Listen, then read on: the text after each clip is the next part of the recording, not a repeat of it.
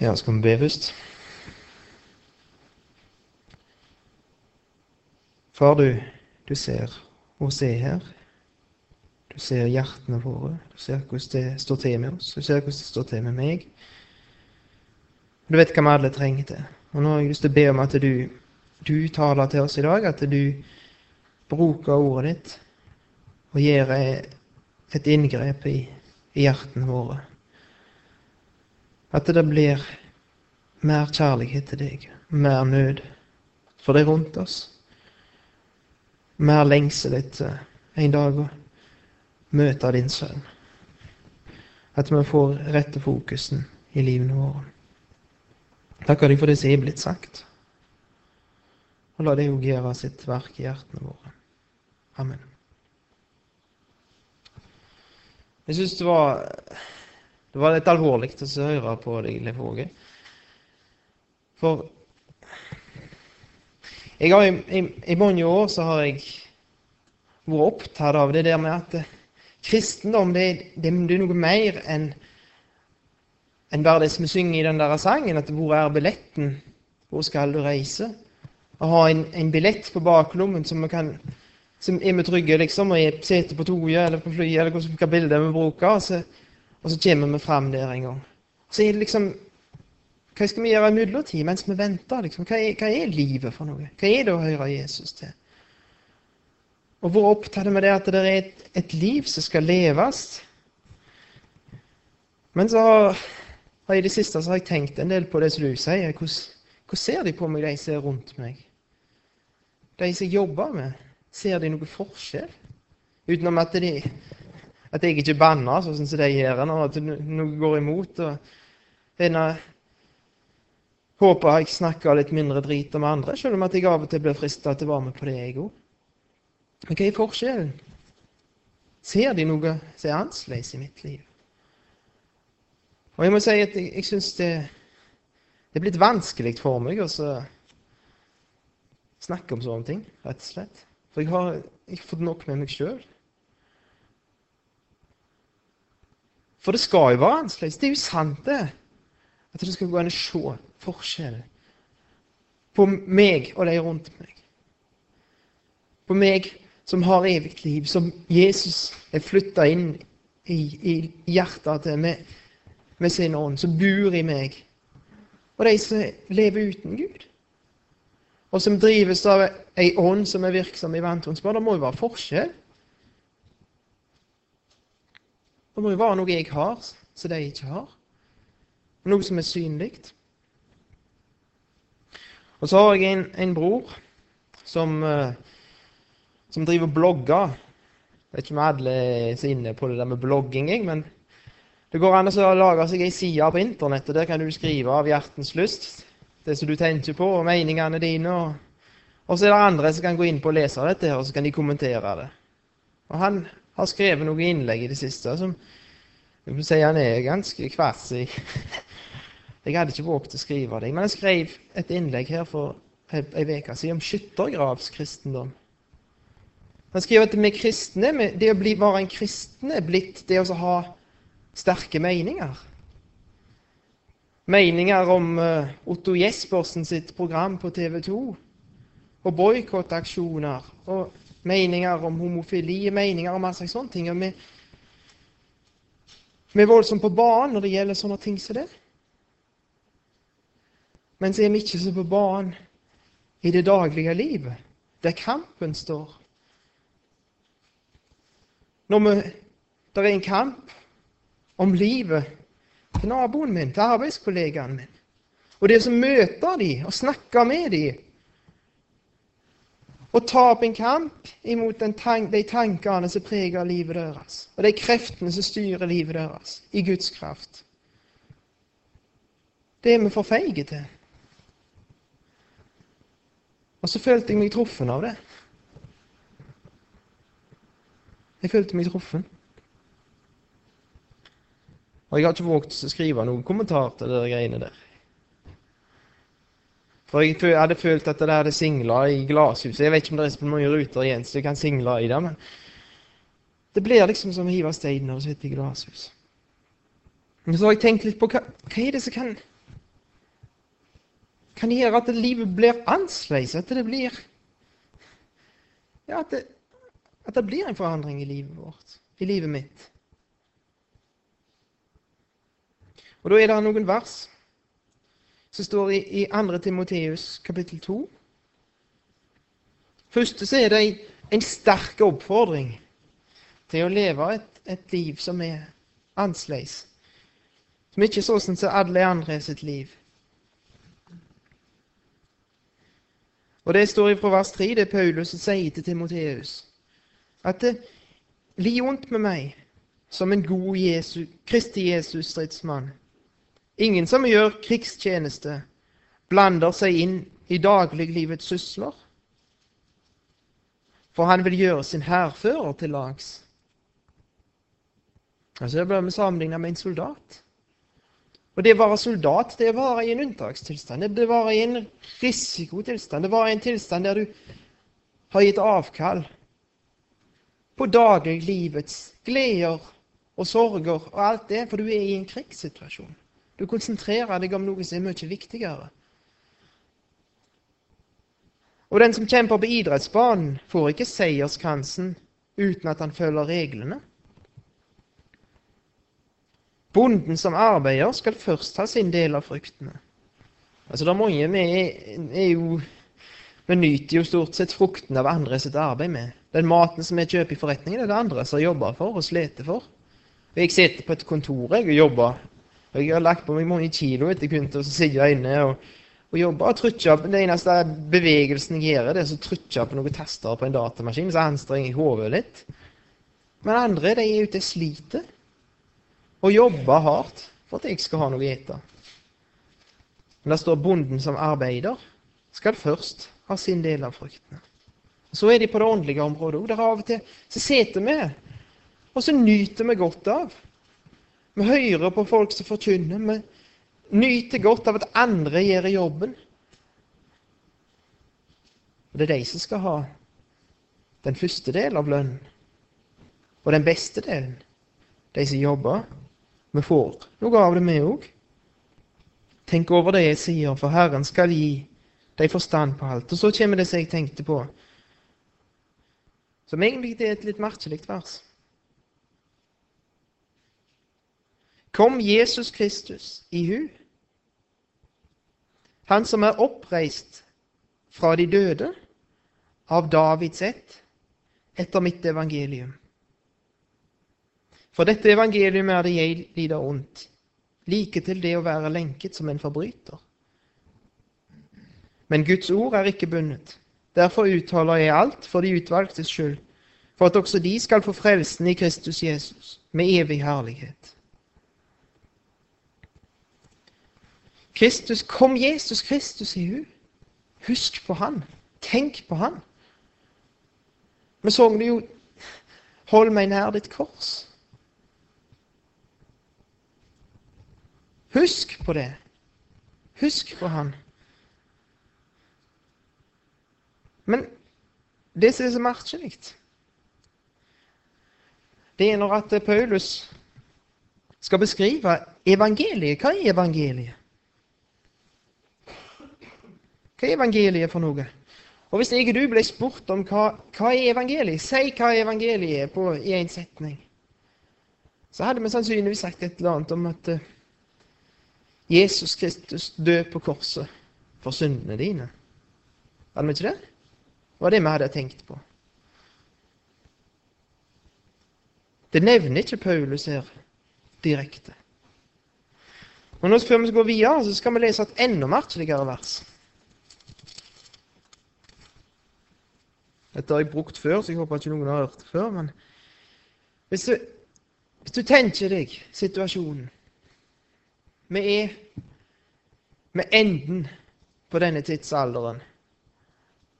Jesus kommer igjen i makt og herlighet snart. I neste øyeblikk så skal han komme igjen og overta kontrollen og makten i denne verden. Og så får du tilgang til alle fjernsynskanaler på alle språk, og du kan snakke alle språk òg plutselig. Og du skal si et siste budskap til menneskeheten.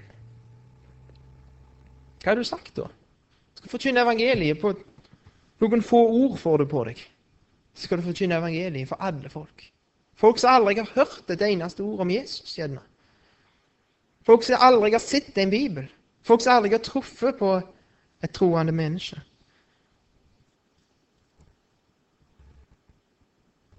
Hva sier du da? Det skjer, det.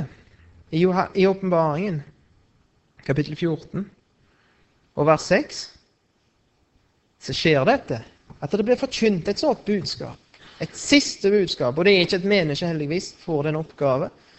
For det er ikke alle som har fjernsyn, vet du. Så det nytter ikke å stå på fjernsynet og preike. Det må være sånn at du kan nå alle. Til og med de i den innerste, avgjemte kroken i en jungel. Så har sett. De fant nettopp en stamme nede i Sør-Amerika, så jeg. Så de har bare fotografert dem fra et fly, og de hadde aldri hatt kontakt med ingen som hadde sett dem før og hatt kontakt med dem. Det er sånne folk. De har aldri hørt om Jesus.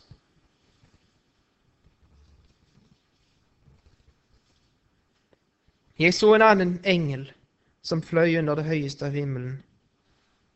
Han hadde et evig evangelium å forkynne for dem som bor på jorden, for alle nasjoner og stammer og tungemål og folk. Og han sa med høy røst Hva sa han? Frykt Gud og gi ham ære. For timen for hans dom er kommet. Tilbe ham som skapte himmelen og jorden, havet og vannkildene.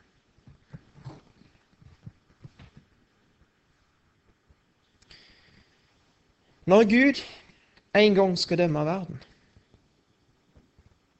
hva skal han si til en av de som vokser opp i denne her stammen her, i jungelen i Sør-Amerika, som aldri hadde hørt et eneste ord om Jesus, og så dø uten å høre et eneste ord om Jesus.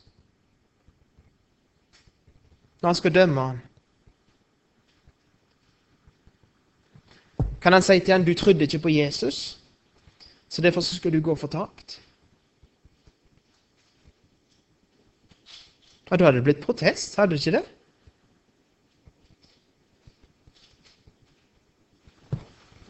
Ja, men jeg har jo aldri hørt om Jesus. Hey, Jesus? Jeg har aldri hørt om det, jeg. Men det står i Romerbrevet og kapittel 1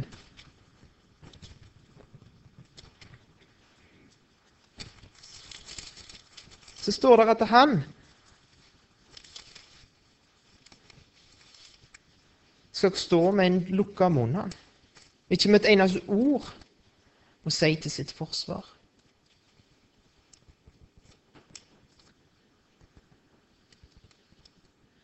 I vers 18 i Romerbrevet 1. For Guds vrede åpenbares fra himmelen over all ugudelighet og urettferdighet hos mennesker som holder sannheten nede i urettferdighet. For det en kan vite om Gud, ligger åpent for dem, for Gud har åpenbart det for dem. For Hans usynlige vesen, både Hans evige kraft og Hans guddommelighet, har vært synlig fra verdens skapelse av. Det kjennes av Hans gjerninger for at de skal være uten unnskyldning. For enda de kjente Gud, æret eller takket de ham ikke som Gud, i stedet ble de tomme i sine tanker, og deres uforstandige hjerter ble formørket. Der er nok budskap i skaperverket. I det fantastiske som Gud har skapt. Det fantastiske som vi lever i. Vi trenger bare gå ut og så se. Det var jeg, jeg hørte fortalt noe på fiskeridagene på Åkra, så var der noen som kom inn i dette teltet som pinsen hadde, der på kaien. Og så var det en som begynte, og så var det litt brisen da, som begynte å si at han trodde ikke det var noen Gud. Og fantes det ikke noen Gud. Det var, alt var oppstått av tilfeldigheter. Og så var det kameraten hans som var like av brisen. Så jeg sier til han For noe tull! Bare gå ut og så se på stjernene. Så ser du at det er en Gud. De vet det. Her på Karmøyene vet de det. Og i jungelen, i Amazonas, så vet de det mye bedre. For der ser de det. Der ser de Guds gjerninger i skaperverket. Så vet de det er en Gud. Det er en Gud, en som har skapt meg. En som har rett på livet mitt. En som eier meg, for han har skapt meg. Og så ikke bare det, men det er noe inni deg, så det er inni hvert eneste menneske. En samvittighet. Gud har lagt noen lover inni her som sier at det, du gjorde der, det er gale, det. Du er skyldig, du. Er det nok, da? Er det nok budskap til å bli frelste? Det er iallfall nok til å stå uten unnskyldning. Hva kan en sånn gjøre? Hva kan han i jungelen gjøre? Han kan frykte Gud og gi han ære. Og hva er det han skal dømmes for? Enda de kjente Gud, æret eller i vers 21 eh, i Romerbrevet 1 Eller takket de ham ikke som Gud? Gud fortjener ære, for han er skaperen. Han har skapt meg i deg. Han eier meg i deg. Og han fortjener takk. Hvorfor fortjener han takk? Det er en som har sagt det at det er det største problemet en ateist har, det er at han av og til kjenner han på en takknemlighet inni seg. Man har ingen å takke. Men det er en å takke. Det er en å takke for den gode maten vi får på bordet. Og Det er forskjell på meg og deg og en som ikke tror. Vi eter den maten med takknemlighet med. Det er en skaper. Og vi nyter livet med takknemlighet. Og noe av det verste av seg, det er utakknemlighet. Det er noe av det verste vi kan oppleve. det. Vi har stelt i stand noe godt til noen, og så er de utakknemlige. En mor og jeg må bekjenne meg skyldig. det er Mamma hun fikk mye kritikk av oss når, når vi var små, for maten. For kjøttet var godt, og sausen var god, og grønnsakene var gode. Alt var godt utenom potene. De var ikke helt ferdigkokte. Så var det potene vi fikk høre om. Vi fikk ikke høre om den gode sausen og det gode kjøttet og de gode grønnsakene. De var utakknemlige. Og det gjorde nok vondt. Det gjør vondt for Gud. Alt det gode Han har gitt oss, som vi nyter uten å tenke på Han av og til. Og den utakknemligheten, den skal dømme menneskene i dag. Det er noe av det grunnleggende i evangeliet. Det er å få et rett forhold til Gud. At det er en Herre. Det er en som bestemmer. Det er ikke meg og mitt og mine tanker og det jeg har lyst til, og det jeg vil, livet handler om. Og min nytelse. Det handler om Han. Det handler om Han som har skapt oss, Han som har rett på oss. Det handler om hva Han vil med livet vårt. Evangeliet innebærer å få et rett forhold til Gud Å gi Han ære og tilbe Han. Å falle ned for Han. Og bøye seg i støvet for Han. Og si at det er du som er verdig. Det er ikke meg, det er du. Det er deg det handler om. Det er deg livet mitt skal handle om. Kan Gud frelse en sånn som gjør sånn? Det var en som sa i tempelet en dag, en synder som var skyldig. Sto han der og så sa han én ting. Gud var meg synder nådig. Det kan han i denne stammen i Sør-Amerika som ingen har sett mer enn på et flyfoto. Kan òg si det. Og så er det frelse for han, for det var en som døde for synden hans òg. Som Gud kan bruke til å frelse han. Når Paulus forkynner evangeliet, så som han i apostelgjerningene kapittel 14 Så er han en plass langt ute på landsbygda. Han havna der pga. forfølgelse. Så havna han i, i Lystra, i apostelgjerningene 14. Og så skjedde det et under. Det var en som var lame i, i føttene. Så ble han helbreda. Og så begynte de, og så ville de ofre til Paulus og Barnabas. Så kalte de for Sevs og Hermes. Og prestene kom og ville ofre til dem, og så sier de 'hold an et øyeblikk'. Det er ikke vi som har gjort dette her. Vers 15. Hva er det dere gjør med henne? Også vi er mennesker under de samme kår som dere. Og vi forkynner dere evangeliet, at dere skal vende dere bort fra disse falske guder, til den levende Gud, Han som gjorde himmelen og jorden og havet og alt som er i dem. Det minner om det som står i åpenbaringen, gjør det ikke det? Minner om det som står i Romerbrevet 1. I tidligere slekters tid har han latt alle hedningefolkene vandre sine egne veier. Men han lot seg ikke uten vitnesbyrd. Han gjorde godt. Fra himmelen sendte han dere regn og fruktbare årstider, og han mettet deres hjerter med føde og glede. Det er Gud vi skal takke for at det er system på været òg. At det er årstider. Det er av og til tørke, det er av og til naturkatastrofer. Men stort sett i denne verden her, så er det system i sakene. Bonden kan så kornet sitt om våren, og så vite at det ganske sikkert at det kommer opp noe til høsten. Så han kan, kan, kan sanke inn. Vi kan regne med det, at det vinteren tar slutt en dag. I disse Narnia-bøkene så beskriver han forfatteren en fallen verden som en verden. Tenk deg en verden der det er vinter, men det blir aldri jul. Vinteren varer evig, og det er ikke noe godt. Så er ikke denne verden. Den vinteren går over, den. Så blir det vår. Så blir det sommer. Så blir det gode tider. Og så skifter årstidene. Så lever vi, og så nyter vi livet og gleder oss over det. Det er Gud som står bak, sier han. Men stopper evangeliet der? Det skal vi være glad for at det ikke gjør. det. For vi har fått så mye mer enn dette. Vi har fått vite så mye mer enn dette som vi kan vite ifra skaperverket. Gud er ikke fornøyd med at vi skal gå rundt og så håpe på det at Gud, kanskje Gud er nådig. Kanskje skal jeg For det er det eneste håpet mitt, at Gud kan være nådig imot meg. Men jeg vet ikke.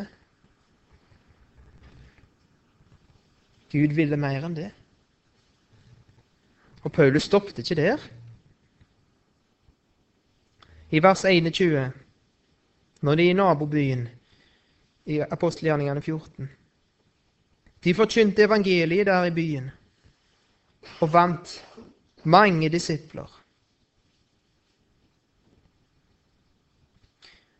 Og Så gikk de tilbake til Lystra, Ikonium Antiokia. De styrket disiplenes sjeler og formante dem til å holde fast ved troen og sa:" Vi må gå inn i Guds rike gjennom mange trengsler. Og de valgte eldste for dem i hver menighet, og etter bønn og faste overgav de dem til Herren,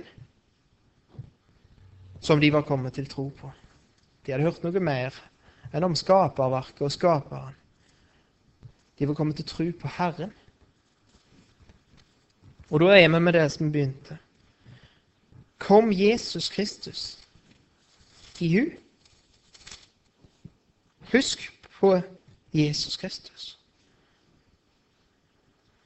Han som er oppreist fra de døde, av Davids ett, etter mitt evangelium. Og Da skal vi gå tilbake til Romerbrevet 1. Og så skal vi lese Paulus skal si oss hva handler egentlig evangeliet om.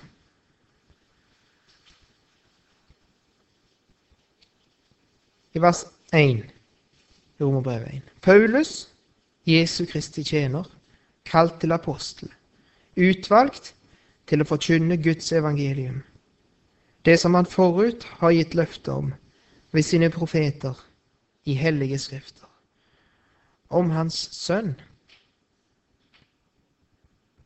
Han som etter kjødet er kommet av Davids ett, og som etter hellighetsånd er godtgjort på å være Guds veldige sønn ved oppstandelsen fra de døde, Jesus Kristus, vår Herre. Dette handler evangeliet om. Han som etter kjødet er kommet av Davids ett. Er det noe vi går rundt og tenker på? At Jesus var kommet av Davids ett? Vi tenker vel av og til på det på jul, for vi hører om det i forbindelse med juleevangeliet. Men det er ikke noe vi går og tenker på, det er det det? Når Paulus skal oppsummere evangeliet, og det er ikke bare her, det er i andre, andre Timoteus som vi leser, og jeg tror det er en plass til òg, så tar han fram det at Jesus kom av Davids ett. Hvorfor er det viktig? Hva handler det om? Hva har det med evangeliet å gjøre? Hvem er Jesus? Vi skal lese noe som fikk David, kong David, til å måtte sette seg ned. Han fikk høre noe av Gud. Så fikk han til å sette seg ned. Det står i 2. Samuels bok og kapittel 7. Det ble så overveldende for han at han måtte bare sette seg.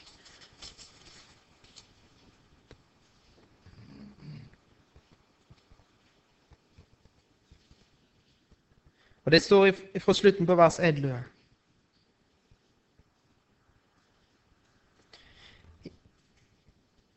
Og nå forkynner Herren deg at Herren vil bygge deg et hus.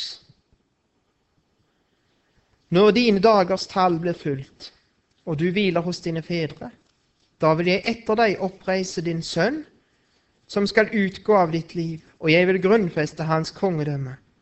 Han skal bygge et hus for mitt navn og jeg vil trygge hans kongetrone til evig tid. Jeg vil være hans far, og han skal være min sønn. Når han gjør det som ondt er, vil jeg tukte ham med menneskers ris og med menneskebarns plager. Men min miskunnhet skal ikke vike fra ham, slik som jeg lot den vike fra Saul, han som jeg lot vike plassen for deg. Ditt hus og ditt kongedømme skal stå fast til evig tid for ditt åsyn, og din trone skal være grunnfestet til evig tid. Da gikk kong David inn i vers 18 og ble der inne for Herrens åsyn. Ble sittende der inne, står der egentlig. Og han sa, Hvem er jeg, Herre, Herre, og hva er mitt hus at du har ført meg så langt? Og enda var dette for lite i dine øyne, Herre, Herre. Du talte også om din tjeners hus langt fram i tiden. For dette er noe merkelige greier som du finner igjen i hele Bibelen. I salmene, f.eks., så er det salmer der David beskriver opplevelser han har hatt i livet sitt. Opplevelser som vi kan kjenne oss igjen i. Opplevelser som han kjente seg igjen i. Men det er akkurat som når du leser det, så er det et nummer for stort, dette her for David. Det er liksom ikke Det kan ikke bare handle om David, dette. Det må være en annen. I tillegg til David dette handler om. Så det passer 100 på. Og det er Jesus. Og så finner vi igjen Jesus i Det gamle testamentet. Og her snakker egentlig Gud til David om sønnen hans, Salomo, fredskongen. På en måte fredsfyrsten. Men han var ikke noe fullkommen mann. Han trong å bli tukta, står det her. Han gjorde det som var gale. Og David forsto det. At dette her Han som skal bygge et hus for mitt navn, og at, at kongetronen hans skal stå i all evighet, og jeg vil være hans far, og han skal være min sønn. Det kan ikke bare være Salomo. Det kan ikke være noen vanlige etterkommere av meg, dette her. Det må være noe langt framme i tid. En som er blitt lovt. En konge. En hersker som det er blitt gitt løfte om. En konge som det blir gitt løfte om i Edens hage. En som skulle knuse slangens hode. Det er en som har makt i denne verden. En som styrer i denne verden. En som blir kalt for denne verdens første. En som har en ånd som er virksom i vantroens barn. En verden som er full av elendighet og synd og nød. Det er mye snakk om klimatrusselen i dag. Og vi tror på en måte at vi har det i hendene våre å gjøre noe med det. Det er vi som har ødelagt det, og vi klarer nok å fikse det. Hvis vi samler alle gode krefter, så skal vi klare å få ordna det òg. Jeg har ikke så mye tro på det, at vi klarer det. Det kan godt hende at vi har klart å ødelegge det. Jeg tror ikke vi klarer å gjøre så mye med det. For det er Gud som heller dette her i hendene sine. Og det står en gang i framtida om klimaforandringer som skal ødelegge denne jorda her i åpenbaringsboka. Og de kommer ikke som av CO2. De kommer av synd. Det kommer av synd. Den synde som ødelegger, som river sunt. Den som er så attraktiv, som er så god og fin for oss i utgangspunktet. For synd er noe attraktivt. Det er jo derfor folk gjør det. Folk hadde ikke giddet å synde hvis det var noe feil, stygge, ekle ting. Det er ting som er godt. Som gjør det godt der og da. Men så eter det oss opp. Så eter det opp omgivelsene våre, så fører det død inn i samfunnet rundt oss. Så øyelegger det verden. Og det er en som styrer i denne verden, en som er denne verdens første slangen. Den gamle slangen. Det ble gitt løfte om at en dag så var det en som skulle knuse hodet hans. En som var sterkere. En konge. Og så ble det gitt løfter ut gjennom. Vi leser i Det gamle testamentet. Så blir det tydeligere og tydeligere. Det skulle komme en. Og han skal være, han skal stamme ifra Abraham. Og så skal han stamme ifra David. For David, en av etterkommerne dine. Han skal være den store kongen. Han som skal gjøre slutt på all elendighet. Han som en dag skal styre denne verden med rettferdighet. For tenk om det kristendommen vår bare var det som det ofte er for oss her i denne delen av verden. At vi har det godt. Vi har jo det. Hvis vi ikke får møte så mye motgang og sykdom, og sånt, så har vi det relativt godt. Vi har det materielt har vi det voldsomt godt, og vi har doktorer som kan hjelpe oss når vi blir syke òg. Og så kan vi bli kristne. Så har vi en Gud å gå til og be til, som hjelper oss. Og så har vi det enda bedre. Det er ikke alle plasser i verden det er så. Det er folk som lever i en deler av verden der det å bli en kristen, det er å skifte side. Det er å bekjenne seg til denne kongen, til han som skal komme i dag. Han som er av Davids ett. Kongen over Guds rike. Og stiller seg inn under hans herredømme og sier at det er han som er herre. Jesus er herre. Og bekjenne det at Jesus er herre, som er en betingelse for å bli frelst ifølge Romerbrevet 10. Det koster deg livet, det. Det koster deg i alle fall vennene dine og familien din og jobben din. Det er plasser i Europa, i Østerrike, så kan folk oppleve det. De blir frelste. De bor på, ute på landsbygda, i ei katolske bygd. Og så sier presten at uh, han bakeren der, han skal ikke dere kjøpe brødskiver mer. Hva gjør du da? Det er ingen som vil kjøpe varen din lenger. For du har bekjent deg til Han. Så blir du forfulgt. Og så får du det ikke godt. Du får det verre enn du hadde det på mange måter. Du blir en soldat som er i krigen. og som må gi avkall på mye. Men det er en konge, en seierherre, som du er. En som er av Davids ett. En som skal en dag overta makt i denne verden, og da skal du være en av dem som er med han. En av de som skal herske over han i all evighet. En av de som var på den rette sida. Kongen. Kongenes konge. Jesus er av Davids ett. Og det er garantien for at en dag så skal det bli slutt på synd i denne verden. Det skal bli slutt på den synd som ødelegger vårt liv. Som får gjøre så mye. For synd er ikke bare de der stygge, store tingene som vi gjerne går ut og sier offentlig at vi fordømmer. Men synd er òg noe som heter havesyke i Bibelen. Ha mer syke. Det er altså ikke være fornøyde med det vi har, men hele tiden vil ha noe mer. Det er jo synd. Det er det med avgudsdyrkelse. Og hvem Jeg skal ikke be dere rette opp hendene hvis dere ikke er plaget av det. Jeg er iallfall plaget av det. Det er synd. Baktalelsessynd.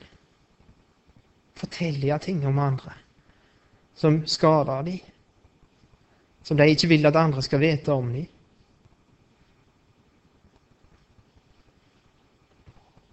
Det er synd. Og det øyelegger livene våre. Og det øyelegger livene til andre. La oss være glad for at det er en, en dag som skal få slutt på det. Men hva er garantien for at han skal få slutt for det? Hva er garantien for at den store hærføreren, den store kongen, en dag skal gjøre slutt på syndet i denne verden? Jødene de trodde det at Jesus han kom som Messias for å gjøre slutt på fangenskapet deres. Det var underlagt romerne, og ropte de Jesus, han skal bli den store kongen som skal sette oss fri. Han er fredsfyrst når noen kommer. Men så glemte de noe. Hele gjengen. Til og med disiplene hans glemte det. De som gikk på veien til Emmaus. De samme trodde at han var Messias. Men hva var det Messias måtte gjøre? Han måtte befri dem ifra deres synder. Han måtte gå i striden alene. Helt alene. Og så måtte han henge der på korset. Naken, til spott og spe for hele verden. Det var det siste verden så av han. Det var det siste verden så av kongen vår. Han hong til spott og spe på et kors. Og ropte, eller sa, Min Gud, min Gud, hvorfor har du forlatt meg? David òg sa det i Salme 22. Han, det føltes nok så for David. Men David oppdaget at han var ikke alene. Han følte det bare så, han. Han kjente noe av den smerten. Når Jesus hang der og kjente den smerten, så var det så. Det var så. Forlatt av Gud. Aleine. Forlatt av sine. Og så hang han der.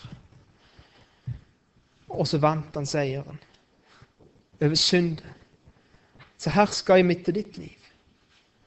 Og så gikk han i grava, og så sto han opp igjen. Og så som seierherren, som kongen. Betyr det noe for oss? Betyr den kongen noe for oss? Han kongen i Oslo han betyr ikke spesielt mye for oss. Han betydde ganske mye for Norge, kongen i Oslo, mellom 1940 og 45. Da trong vi en konge. Da var vi i krig. Vi er i krig meg du òg. Men av og til vi glemmer det ut. Akkurat som israelsfolket. De var omringa av fiender, og så feira de fest i Jerusalem, står det om i Det gamle testamentet. Fienden var på vei for å ta dem. Fienden herja vilt iblant de verslige rundt oss. Og ødelegger menneskeliv etter menneskeliv. Og så sitter vi, sitter jeg. Og så er jeg enda mer opptatt av en Blir mer sur over at Norge tapte mot Tyrkia i fotball enn jeg blir sur over det. Fienden ødelegger livene til troende. Han får inntog i forsamlingene. Han ødelegger ekteskap. Han ødelegger vitnesbyrdet vårt. Slåss vi? For det er en konge som har vunnet seier. Som har garantert seier. Og som er vår hærfører. Og vi kan trygt gå ut på slagmark og begynne å slåss. For det er vår konge som skal få det siste ordet. Det er vår konge som skal stå som seierherren i dag. Det er vår konge som skal komme i makt og herlighet og få tilbedelse, og hvert kne skal bøye seg for Han. Nå har jeg sikkert snakket lenge, jeg vet ikke hvor lenge jeg har snakket. men Det andre Paulus sier, det er at han ikke bare det at han er et menneske av Davids ett, som sitter på Guds trone som sier Herren, som sitter i himmelen som sier Herren, men etter hellighetsånd er godtgjort å være Guds veldige sønn. Det er ikke et menneske, sånn som David bare, som er vår helt og vår seierherre og vår konge. Han er Guds veldige sønn ved oppstandelsen fra de døde. Jesus Kristus, vår Herre. Og Det er mange sider av det. Husker dere den fortellingen når Jesus fulgte med Jairus? Og Så kom han hjem til Jairus, og så grein de, og så sa de at det er for sent. Hun er død, hun, hun jenta her. Jeg leste det til ungene for noen år siden. Så slo det meg mens jeg fortalte det til ungene, at det, var det sant det som Jesus sa? Jesus sier at men hun er ikke død, hun sover bare. Hun sover bare. Hun var jo død. De kunne tatt pulsen på henne. Det var ikke puls. Øynene var, var døde. Laug Jesus når han sa at du sov? Tulla han bare med dem?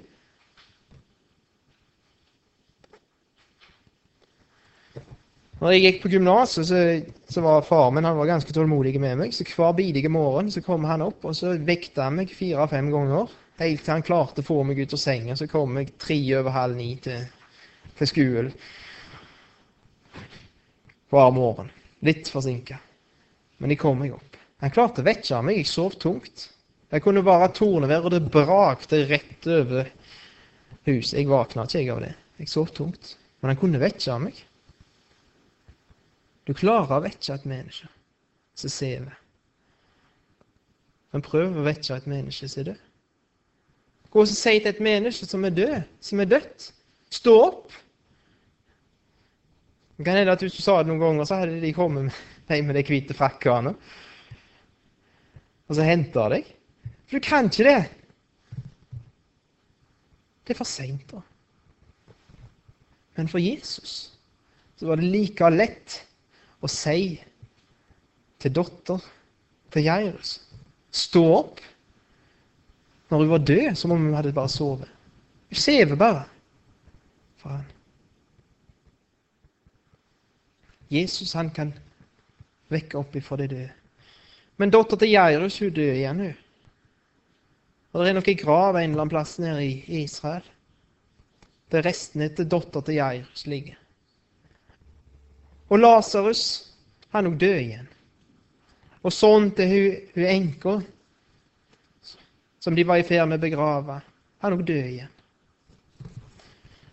En dag skal Jesus si til de som ligger i gravene, stå opp. Så skal de stå opp. Og det er ikke like lett som å si stå opp til dattera til Jairus. For syndens lønn er døden. Og hvis du og jeg hadde død i våre synder, så hadde døden kunnet telle oss fast. Men en dag så skal han si, skal han rope på de som er i graven. Så er det noen som står opp, ikke alle da.